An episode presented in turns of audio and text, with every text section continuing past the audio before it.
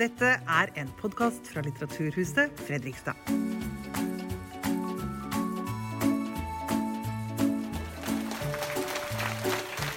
Thank you for that warm welcome.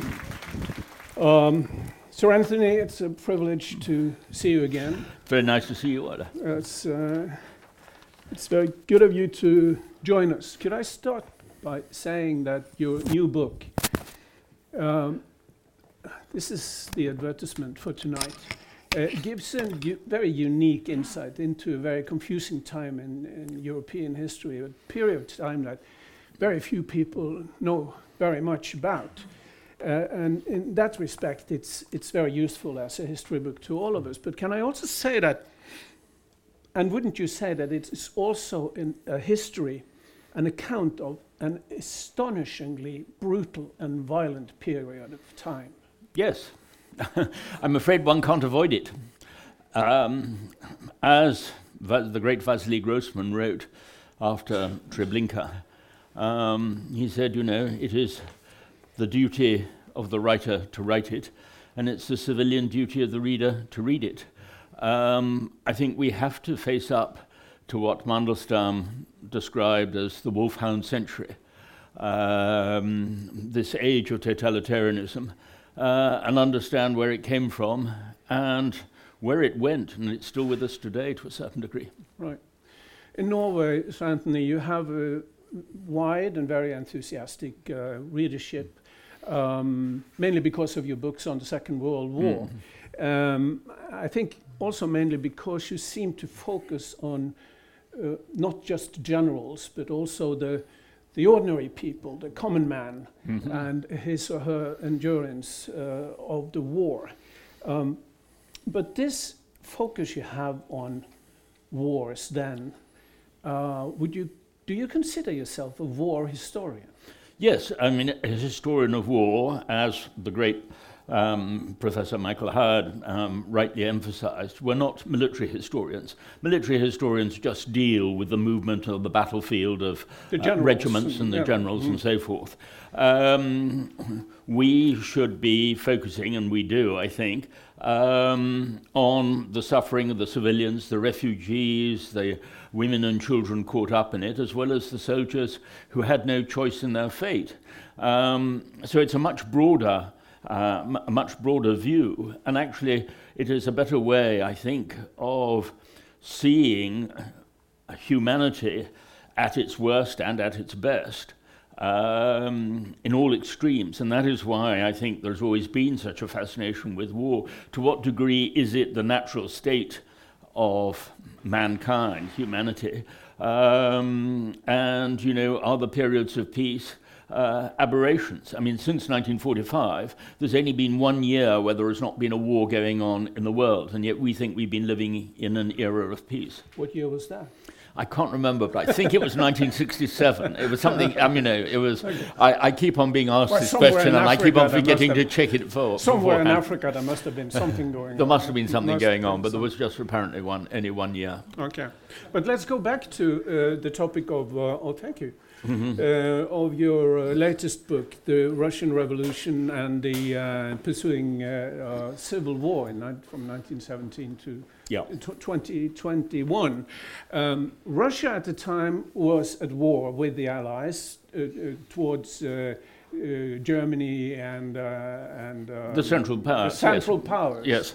And um, if you could just give us a feel of what was going on in the Russian society at that time, especially in the, in the Russian trenches, it was not a very glamorous life to be a soldier, was it?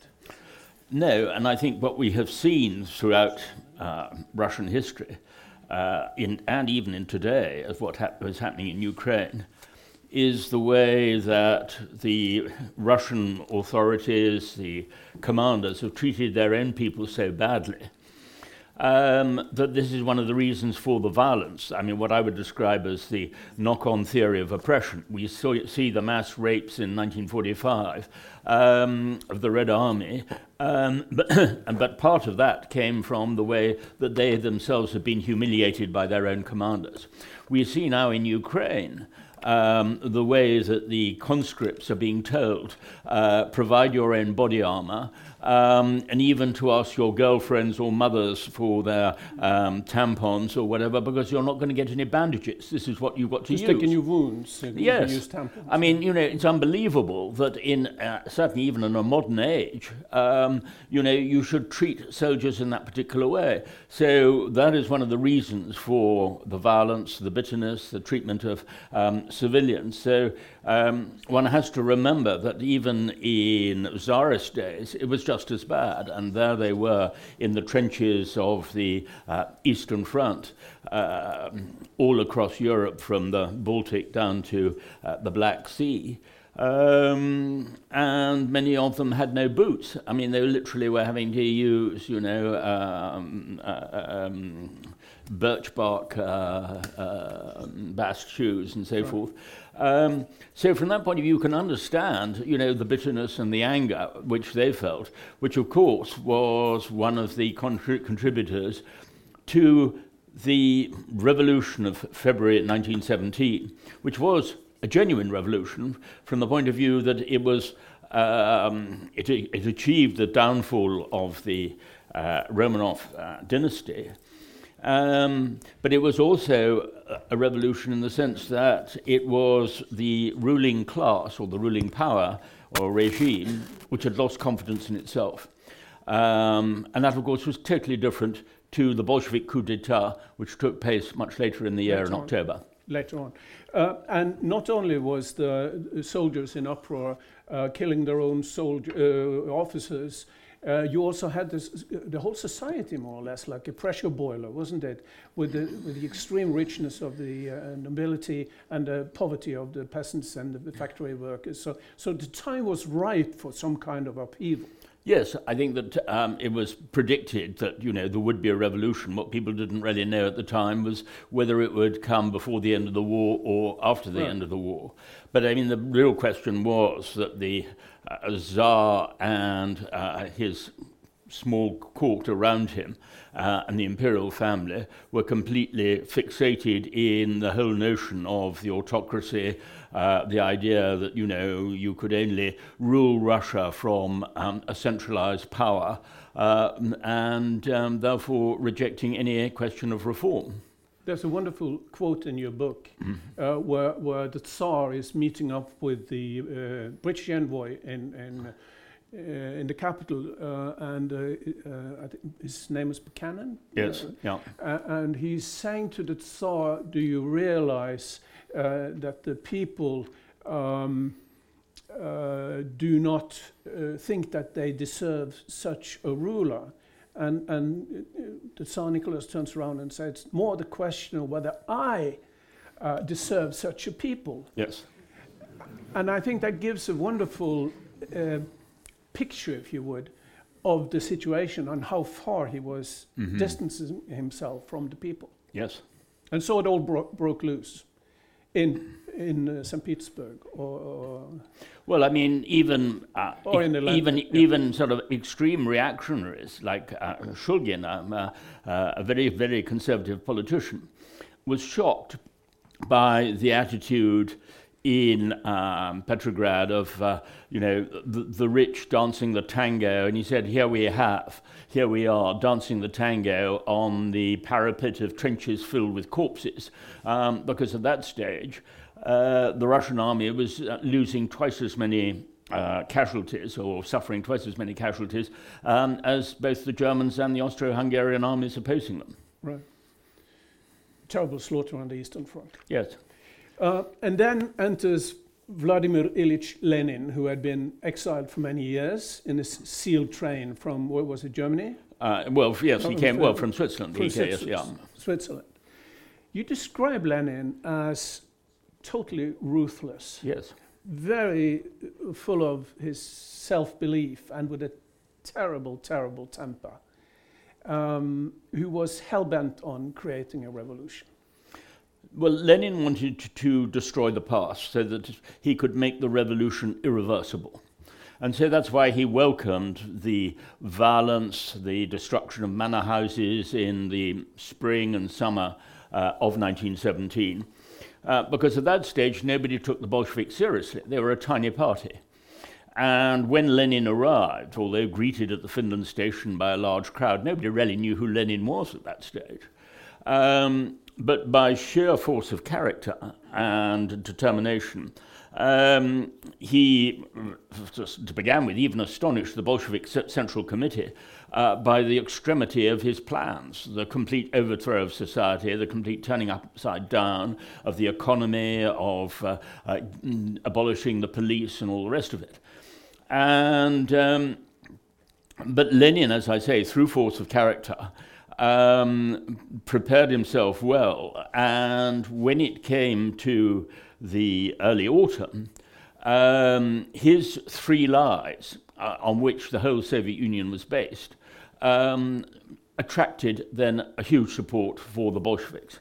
Didn't make them a majority, as they would like to imply from their name, um, but even so, it um, brought in and transformed the situation. And his three great lies were quite simple. One was the promise to the soldiers of peace, when in fact he wanted to turn the imperialist war against Germany into an international civil war.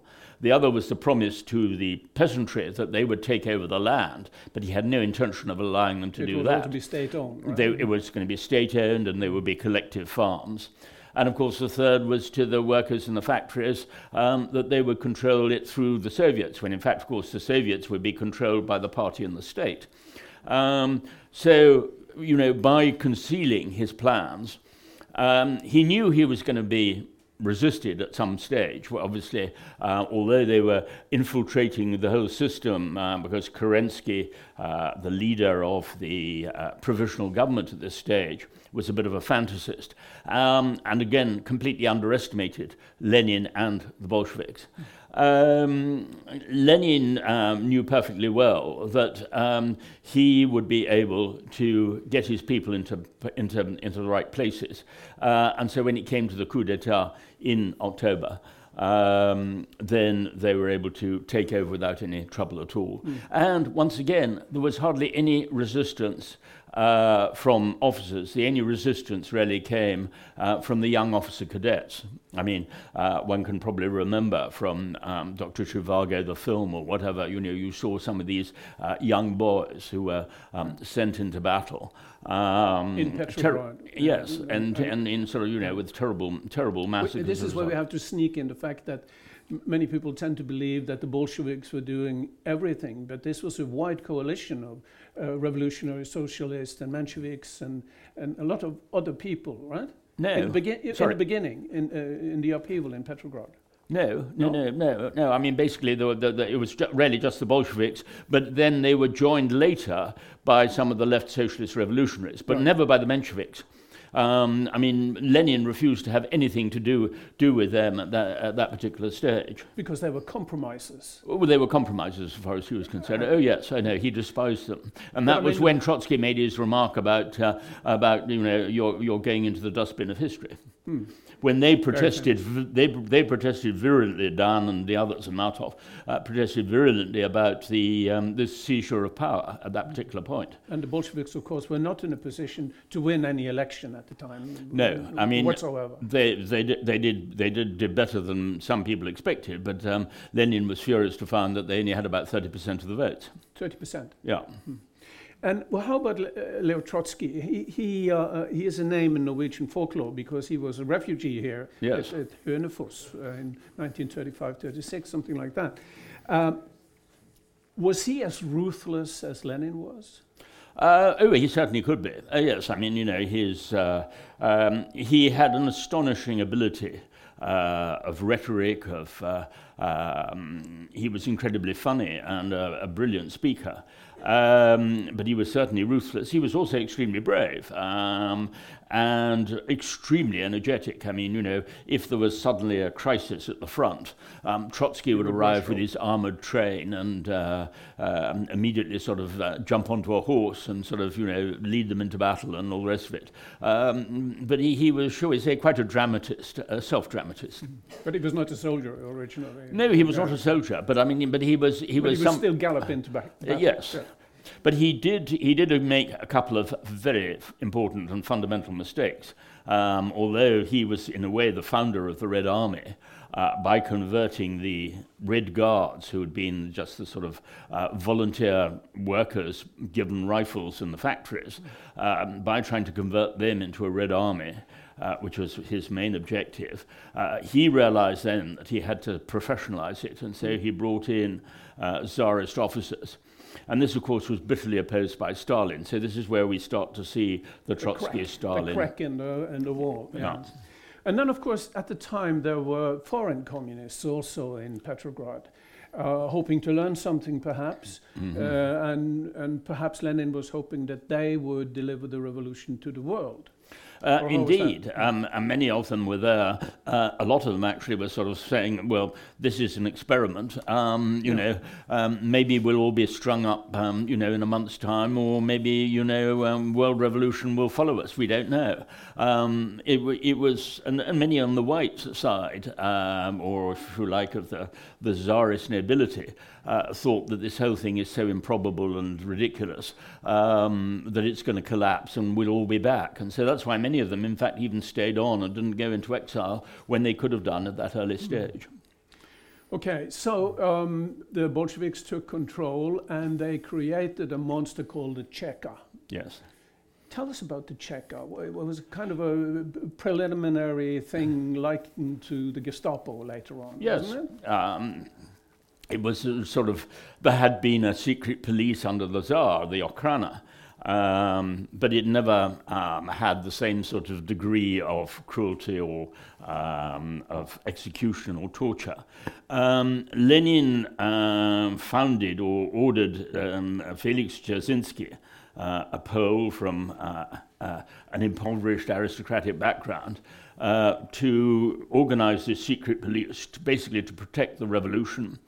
Um, and it was given complete carte blanche to uh, kill without any judicial su- supervision, to torture. Um, and um, Dzerzhinsky himself was totally incorruptible. I mean, he was a sort of a, a Robespierrean figure in many ways. But at the same time, um, he, he too was sort of almost driven mad by the killing. I mean, there was a, a notorious moment of uh, the new year of sort of 1918, 1919, uh, when he got drunk. Normally, he never touched alcohol. And um, he actually begged Lenin and Kamenev to shoot him because he said um, uh, he'd been driven mad by all the blood. Uh, which gave an idea exactly of um, how um, basically uh, violent and murderous the whole Cheka had that, been. that he had Yeah. instigated on, on Mm. prisoners. And, Mm. and indeed, to some innocent people, I heard you writing that it was even very dangerous to be seen with, uh, with spectacles, glasses uh, on Yeah, the street, you- you because were that would make you, you were a assume- bourgeois. Well, the whole point was that it was a question of, of class genocide. Um, so anybody who went out wearing a collar or a tie or spectacles was immediately going to be suspected of being a bourgeois. And actually, Lenin had prescribed right from the beginning the idea um, that um, don't bother to ask, you know, uh, whether somebody is innocent or guilty. Just find out what class he's from. So And this then- is and then just get this is very it. interesting because you see in 1948 when the Convention on Genocide was being discussed at the United Nations, the Soviet Union was determined to exclude class genocide from the definition of genocide. Oh, okay, so that would be all right. Yeah. Mm, I see. Um, let's give the audience some examples of what they did because they were very, very brutal. You're mentioning the sinking of barges full of prisoners with their hands tied with barbed wire. That, that was copied from the French Revolution, the Noyade. Yeah. So there was a lot of looking back towards the French Revolution. One has to remember that the red versus white, the red came from the red Phrygian caps of the French revolutionaries, and the white came from the white cockade of the Bourbon. So there was always this sort of uh, consciousness of the French Revolution during, during the Russian Revolution. They had picked up something that could come in handy, Yeah. like throwing prisoners into the furnaces of steamships and locomotives. Well, they certainly didn't have steamships in the French No, Revolution, but but um, you're quite right. they yes. had yeah. and things. No, no, no. I mean, it was unbelievable, all of that. and, glove making and all of that. The, all, the, the reason why one needs to emphasize it in a way, um, and uh, there is, uh, uh, is that the Russian Revolution um, needs to be seen really in the context of what it produced afterwards as well as what happened at the time. I think that British and German historians have rightly identified the, the First World War as the original catastrophe of the 20th century.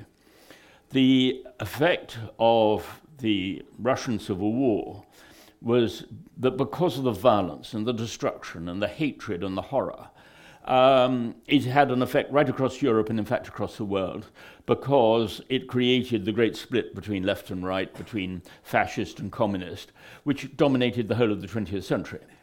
Um, and it was this sort of circle of fear where the bourgeoisie, the middle classes, were afraid of being completely eliminated by the left, and the left was afraid that the white counter revolution would completely crush any hope of socialism or liberalism in the future. Um, and this stayed with us all the way through, right, not just to 1945, but through to 1989, the Cold War one. Um, and we can now understand how, in what one should now be calling Cold War II, um, we're seeing the way that actually there's just been a change in axis from left versus right to basically um, to democrat- democracy versus authoritarianism. So, you know, the war in Ukraine is still a descendant uh, from all of this uh, happening really 100 years ago. I can understand that, but where did all this sadism come from? I can understand they're killing each other in, in the civil war. Well, the great Pushkin um, said, referred to, you know, Russian revolt, senseless and merciless. Mm. And there is a large element of truth in that, and there's been quite a debate in Britain, um, as I'm sure there probably has been here too, over the origins of Russian violence in Ukraine. Where does it all come from? I mean, David Aaronovitch in the Times uh, wrote about the senseless brutality or the senseless uh, savagery uh, that one sees.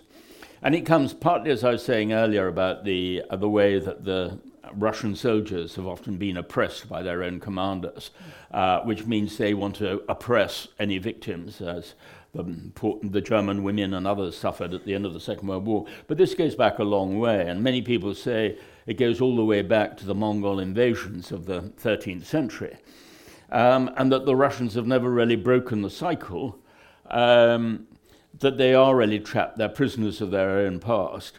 Um, and in Europe, in Western Europe, of course, we had violent periods with the wars of religion in the 17th century and the Thirty Years' War above all.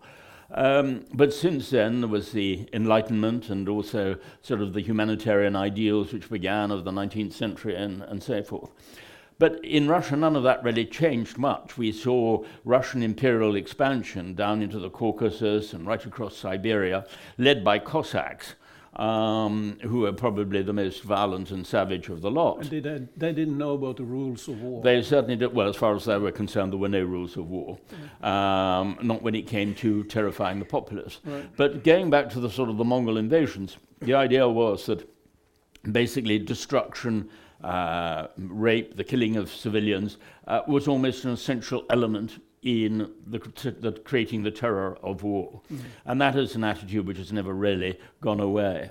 Um, and it's still what we're, what, we're, what we're seeing in Ukraine as well today. Mm. You write in your book, and I, I, find that observation very, very interesting. That, uh, and this is a quote: "In civil wars, the policy of terror is almost always the response to the conscience that they are in minority, uh, and this policy continues even after the threat has been defeated." And we see that in other conflicts also, perhaps. No, we do, uh, and we certainly see it in, in Russia because even after even after the White armies uh, were evacuated from the Crimea um, in uh, in November 1920. Um, the uh, repression actually intensified. Mm. Uh, there were far more killings during that particular period. But also, that provoked more revolts the following year. So whether in the sort of provinces of Tambov and elsewhere, um, you find these um, uh, armies are being, mm, whole armies from the Red Army are being used to crush the peasants um, who are in rebellion because all of their food is being stolen um, by, by the Reds for the cities. Mm. So the peasants are seeing themselves as sort of the new serfs of the proletariat, but at the same time, the proletariat is also still suffering from starvation in the cities. So starvation and hunger was a vital weapon, so to say, in the Civil War. Well, it was a it was a weapon if you had the food because you know you, you fed those who supported you and you Yeah. starved everybody else. Yes, Yeah, they were stealing the grain, and then they were also even the seed grain, which meant which of course then the was a vicious year. circle meant that there was going to be no harvest the following year. But the Red Army, you state, w- was saying that they had no other choice than to lead on with this Red Terror uh, because uh, the counter-revolution, the whites, Mhm. left them no choice. So it was kind of a tit for tat. Well, I mean, I, I'm certainly no supporter of the whites because they behaved appallingly too. Um, but the um, uh, the Reds, um, of course, were going to claim that. Um, but in fact, what they were trying to cover up was the disastrous consequences of their own policies. Um, the very fact of actually taking the grain from the peasants um, and then even taking their seed grain um, meant that actually the harvest was going to fail the following year. But they then accused the peasants of sabotage. So this was the classic communist thing. If something didn't work, it must be sabotage. But Lenin actually encouraged civil war. He really wanted right from the start. war. He said civil war is the sharpest form of class conflict. And this- he knew that therefore there had to be a civil war if they were going to win. and nobody dared to object to this. Well, Lenin, surprisingly, um, even dates the start of the Civil War to July 1917, not 1918, to July 1917, long before the Bolsheviks themselves were in power. And this was actually their first attempt to seize power in what were called the July days or the July events. Um, and it was their revolt against the um, provisional government. Uh, but it was premature and pretty disastrous. Mm, yes. But the uh, the real fighting didn't really begin until till December 1917, when you had the Don Cossacks, you had the Orenburg Cossacks, and some in Siberia uh, who were rising in revolt against uh, the um, declaration of and the coup d'état uh, of the Bolsheviks in Petrograd. And they allied themselves with the volunteer. And then they allied themselves with the volunteer army, which was basically monarchist, czarist, um, you know, commanded later by General Denikin. But I, I'm surprised the way you describe Lenin as, as totally ruthless and, and eagerly uh, uh, wanting the, uh, the uh, civil war. When it came to the killing of the Tsar family, he absolutely did not want to have the Tsar children's blood on his hands. He did not want that responsibility. Well, um, he didn't want it um, publicly responsible, but in fact, he was determined to have them killed uh, because, again, he was trying to obliterate the past. Um, and I mean, I think the latest scholarship has certainly shown with the documents um, that Lenin knew perfectly well what was going to happen, and that was why um, they tried to put the blame on um, uh, uh, what's its name. But in fact, actually, the order had come out from um, Petrograd. Um, it wasn't just a question of the uh, of the Tsar and the imperial family; it was all the relations too, uh, who were all slaughtered. So um, it was this question of making it irreversible by trying to ensure that the past could never come back. But it would harm his, his, his image in some way, then, you think? Oh yes, well I mean he was certainly conscious of his image. One has to remember that from uh, the attempt on his life by Fanny Kaplan when uh, the assassination failed, uh, Lenin very nearly died with a bullet bullet in the neck. Um, but that is also when he became sort of almost a holy figure. Uh, he became a secular saint. Uh, it was the start of the cult of personality. Um, and this lasted all the way through, really, uh, so that sort of la- later with Stalin, you know, it was Lenin was still regarded as the great, um, almost the great sort of uh, uh, liberal in comparison almost to Stalin, was totally untrue. Lenin created not just the Cheka, but the Gulag and all of the worst aspects for which Stalin He laid the foundation for the, the Great Terror to come. Indeed, and years it, and it years wasn't years. really until the late 1980s when General Volkogonov was allowed the documents Mm. uh, from the Presidium that one saw that actually Lenin um, was just as bad as Stalin. Mm. No, and, and Petrograd, we should point out to the audience, is St. Petersburg uh, Yes, today yeah. and Leningrad in between. Mm. Uh, throughout your book, many of the atrocities and the massacres, battles, and, and the crimes and the pogroms are actually happening in the Ukraine. Um, um, have you pondered about all this how it somehow might been an advanced signal to what we are seeing today? Um, well, in many ways, um, yes. I mean, one can sort of see the chain of events uh, going all the way through, as I was um, mentioning a little bit earlier. Um, I mean, Ukraine during the war, uh, during the Civil War, um, was basically a battleground. Um, the Ukrainians had very little control over events themselves.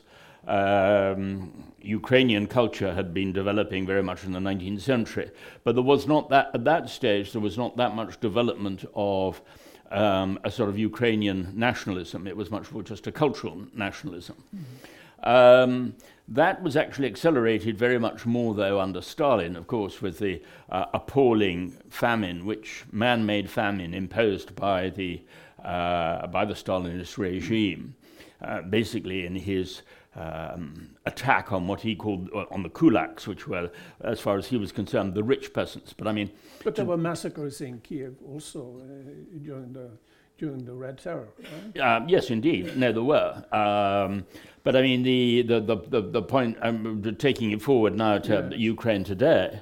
Um, was that uh, the idea of Ukrainian nationalism only started really at that particular stage, and then we get the German invasion.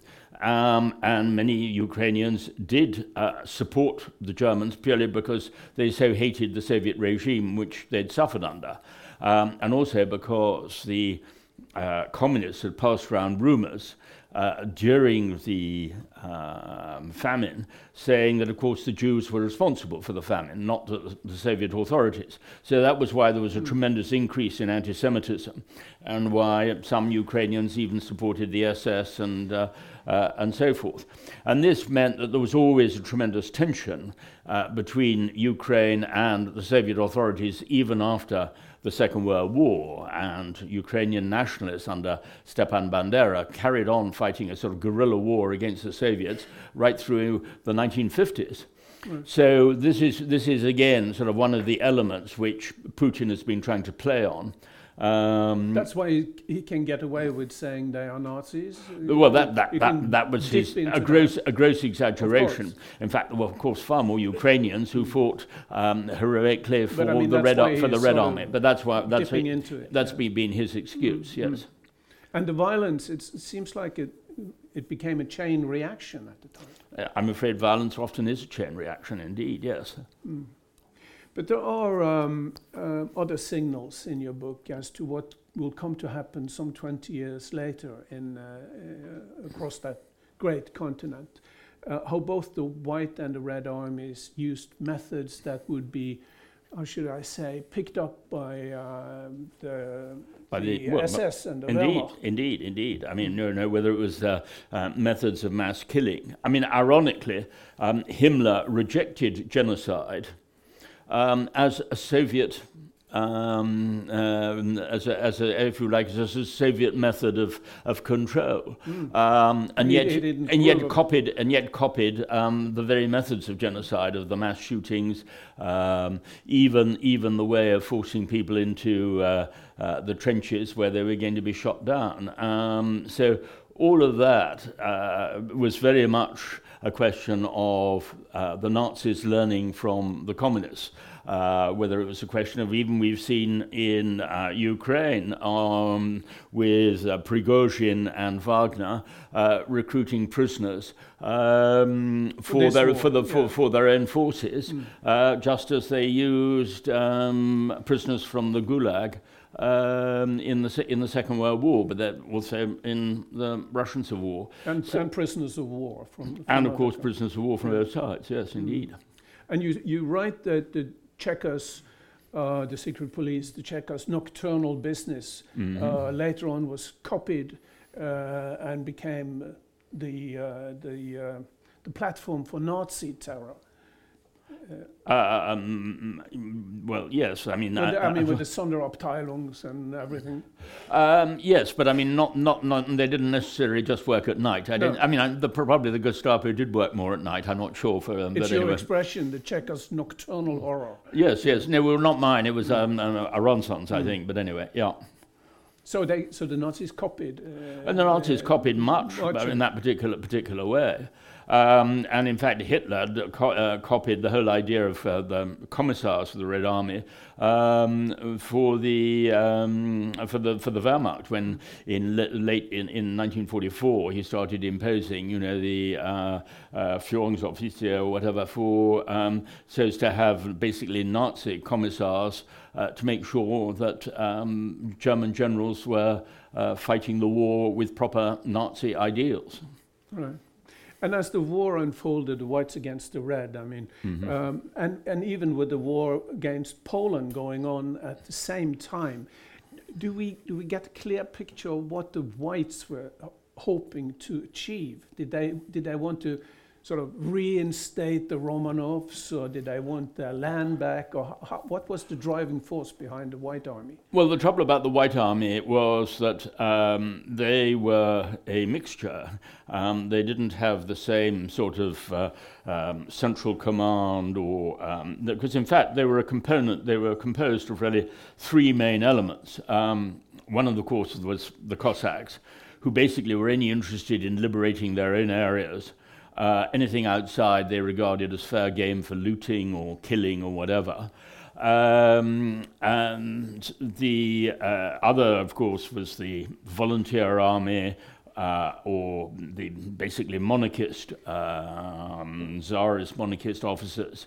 Uh, and many of their regiments, you know, were composed more of, of more of officers, and they hardly had any soldiers at all.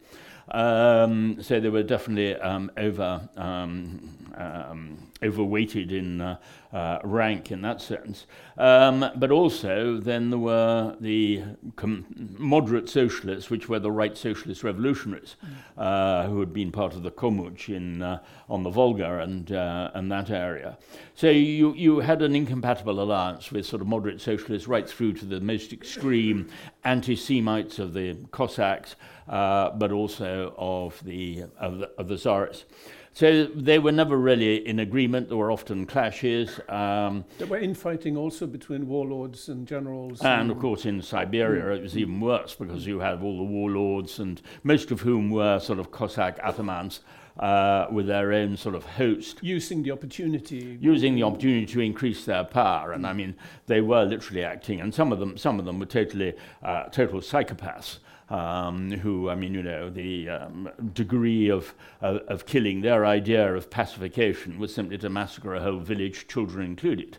Uh, if there had been some sort of uh, partisan or guerrilla activity um, attacking the Trans Siberian Railway, which of course was the whole sort of um, line which uh, went all the way across uh, the whole country and was absolutely vital in the war in Siberia. But the white commander in Siberia was Admiral Kolchak, uh, who again was a sort of very unstable character. Um, I mean, the, the, one comes across some of these uh, uh, people. I mean, in um, under Denikin, you know, there were some other absolute madmen like Shkuro um, uh, and others um, who um, literally, you know, would have been. Com- they might have been brilliant leaders or commanders, but I mean, they should have been locked up at the first opportunity. It, and and it seems to me that, um, from what I can read, it was kind of also um, very. Al- it was a very alcohol infused war also. and cocaine. I mean, one of the things which I've still not understood is how, in the middle of Siberia, they were still getting all of these supplies of cocaine. I mean, you know. Um, How did they get it? I don't know. Up from the east. No, no, no. But I mean, you, the, the, the, the, it was unbelievable the way that sort of they all seem to be somehow getting it. Um, um, I mean, I know that the, the cocaine trade in before the First World War and during the First World War was huge, especially through Germany, for example. But I mean, how they were getting it in Siberia, I have no idea. But would you say that the the officers' army, the white that part of it, Yes. would be much more professional army than the Bolsheviks had? Yes, it was, of course, and um, and that's why. But the Reds had a clearer aim, perhaps. The, the Reds had a clearer aim. Um, they also had the advantages of internal lines, i.e., their territory um, was was uh, central, and they could reinforce different fronts much more rapidly. Uh, the communication, say, between uh, southern Russia and the Caucasus of General Denikin uh, and uh, Kolchak in Siberia. I mean, it took three weeks or more for any messages to get back and forth. Mm. Um, so, from that point of view, there was no coordination on the, on the right side. The only coordination which came um, during the critical year of 1919 um, was purely by accident when you had General Yudenich attacking from Estonia towards Petrograd um, at the same time as uh, General Denikin's armies were coming up from the south heading for Moscow. Right. And, that, and your book contains some, some fun facts also. It's, it's lots of violence and dread, dreadful stories, but there are some fun facts. For example, the Russians or the Reds, uh, excuse me, the Reds' um, obsession with the color red. Yes. They, they absolutely uh, adopted the color red. And there's a story about a general or an officer, high ranking officer, riding off to war in a lady's coat because it was red. Because it was red, I know. Um, I, it was only something that I discovered um, very recently. There was uh, an interesting article by a, uh, a Russian woman um, professor uh, about this particular obsession. Um, and um, they would sort of, you know, dye their clothes bright red. So um, it, it had become, it, it had actually, as you rightly say, it had just become an obsession. Hmm. The Red Army. Well, the Red Army, yes, indeed. But I mean, what was far more uh, amusing in a way, I thought, was that uh, Trotsky, in his uh, attempt to uh, improve the Red Army, and he was appalled at the way that some of the, most of the conscripts would run away when they saw the Cossacks. Frankly, I don't blame them. I mean, you know, if I'd seen the Cossacks charging, I'd have, I'd have got out you, pretty fast. You wouldn't want to stay. You wouldn't want to stay. But anyway, the point was that um, because of the sheer scale, the landmass of Russia, um, to begin with, of course, it had to be a cavalry or railway war um, because of the huge distances involved. Uh, and this is where the whites and especially the Cossacks had that sort of huge advantage. And so eventually Trotsky, who had despised cavalry as basically an aristocratic sort of uh, uh, perversion of war, um, realized that actually he had to compromise. And so they started to try to put together a red cavalry um, army or whatever. Uh, and they came up with the wonderfully um, paradoxical slogan of, you know, proletarians to horse um, with sort of posters, with posters there. Um, and eventually, of course, this turned into Budyonny's first cavalry army, which uh, uh, took very much a part of a role in the uh, in the in the Soviet-Polish War, and right, then yeah. and then in the final in the final act in Crimea. So they did learn how to ride. They did learn how to ride. Many of them, though, were either very poor Cossacks or came from um, Cossack areas and were sort of non-Cossacks. Mm. Um, but of course, the average proletarian, i.e., the factory worker, the idea of getting on a horse, I think, was pretty, pretty, was pretty terrifying. Mm. This side bites, the other one shits. Yeah. yeah.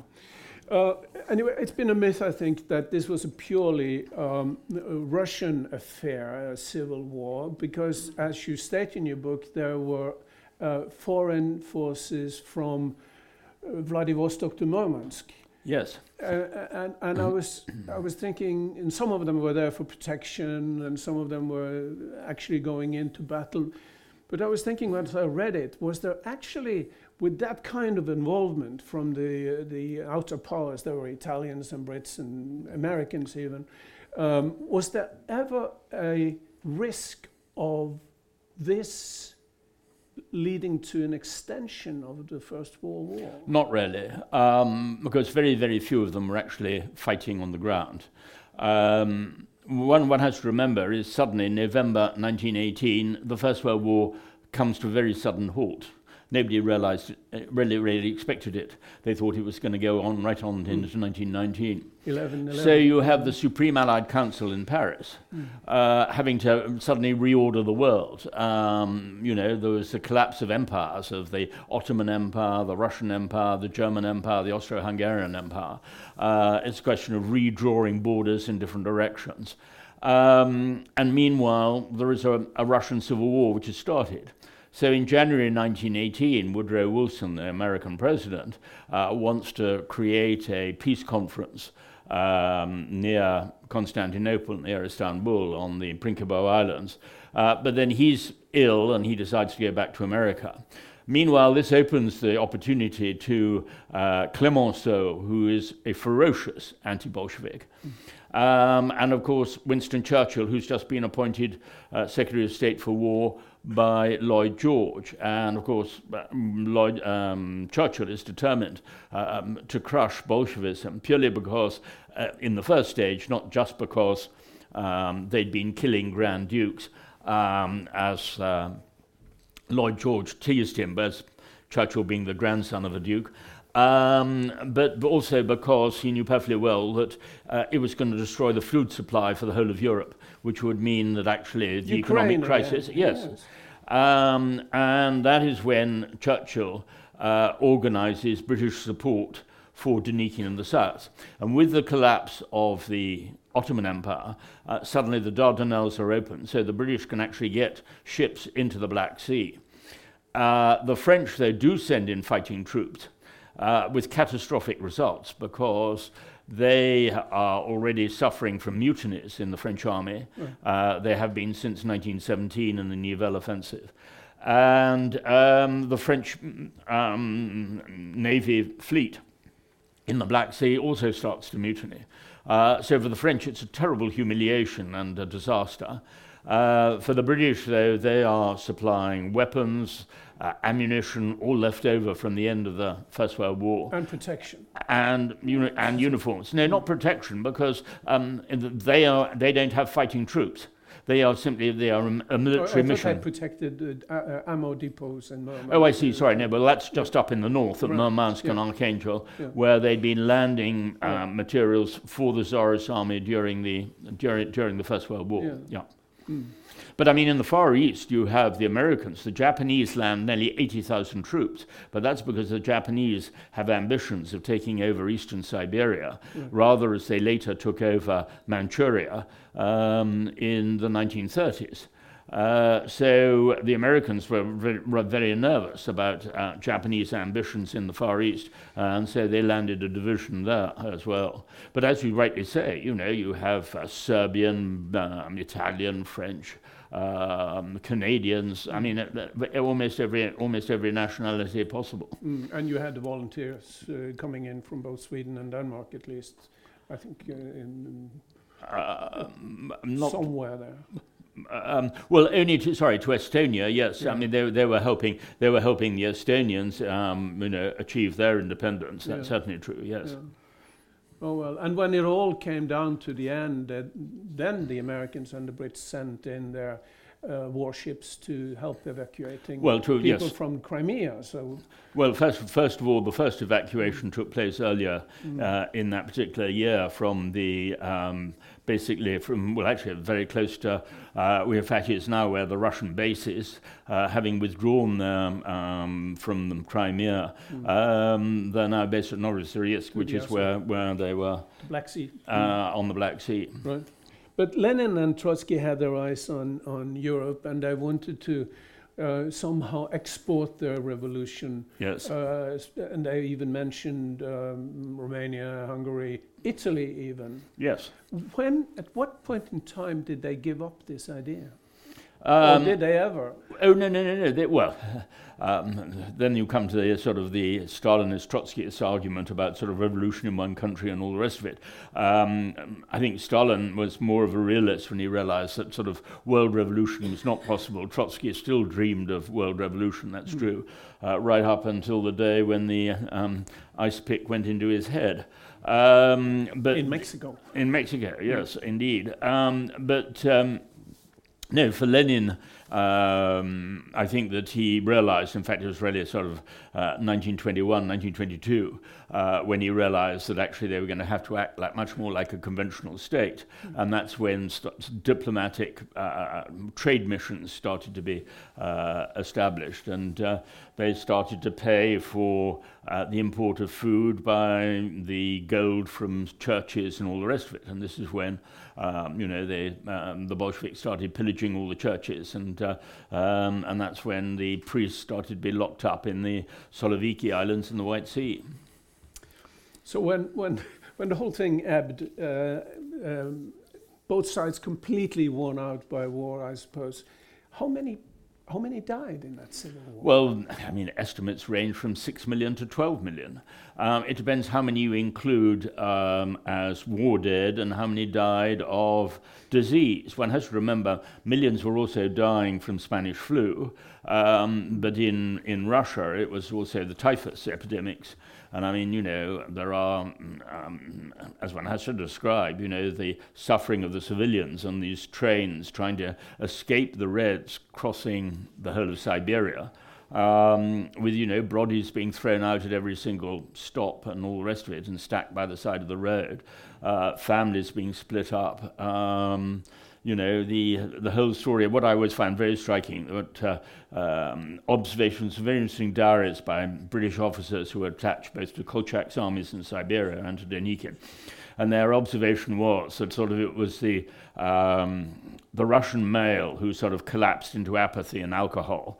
Um, and it was, it, was the, it was the Russian woman who kept everything together. And uh, um, actually, if they were going to survive, it would entirely depend on, uh, on the wife, not on the, not on the husband. Mm. You touched, Sir Anthony, on it in the beginning of our conversation. And I was thinking, how much do you think, without psychologizing it uh, in a way, um, how much do you think that this war and the revolution is still um, something vivid within the Russian soul? Oh, you're quite right. It is. Very much. It's a powerful folk memory. And one has to remember that when Stalin died, um, a large part of the population were in tears, not because they loved Stalin necessarily, um, but it was fear of a return of the Russian Civil War. Um, I think a fear that, uh, based on that old belief, which obviously Russian rulers has always tried to encourage, that because it was such a vast country, only a strong man, a great man, could actually rule it. Um, and this is something which Putin has always tried to encourage too. Um, you know, if I go, you know, what will be the consequences? So it's always been a slight hint there. Mm. He's hmm. played that one quite cleverly, like it must a, be like said. Like a hidden threat, in a way. In a way slightly like a hidden threat, but it is a powerful folk memory in Russia. Even though um, but interesting, one has to remember, of course, that Putin actually came from the white side, uh, not the red side. I mean, the, the, the whites, when after the defeat and when they were in exile, um, of course, thought, you know, where do we go wrong and all the rest of it. And this whole idea of um, Dugin, who was the uh, one whose daughter was blown up in that car, um, who was, uh, shall we say, uh, a thinker who has influenced uh, Putin to a large degree, believes in this whole idea of spiritual Russia, an ethno Slav dictatorship, Orthodox dictatorship uh, which should extend not just from Vladivostok, you know, to the Polish border, but I mean from Vladivostok all the way to Dublin, um, of all places. Um, and you know this this actually is something that, that this is sort of their justification for why they should be able to take over adjoining countries or whatever. They feel that rather like Hitler felt with sort of Nazism, you know, that you can actually impose your own order on the rest of the world.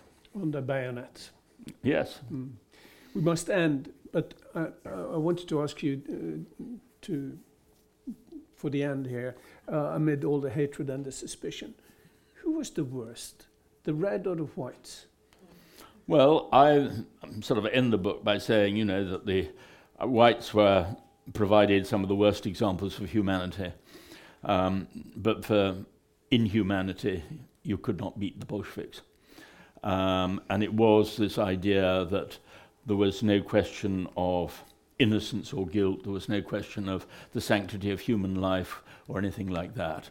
It was, you know, the imposition of what the party says, uh, and that was, as far as they were concerned, the law, uh, and they ignored any other human um, virtue or aspect. Hmm. We must end it there. Thank you, Sir Anthony, for okay. a wonderful discussion. Thank you very much indeed.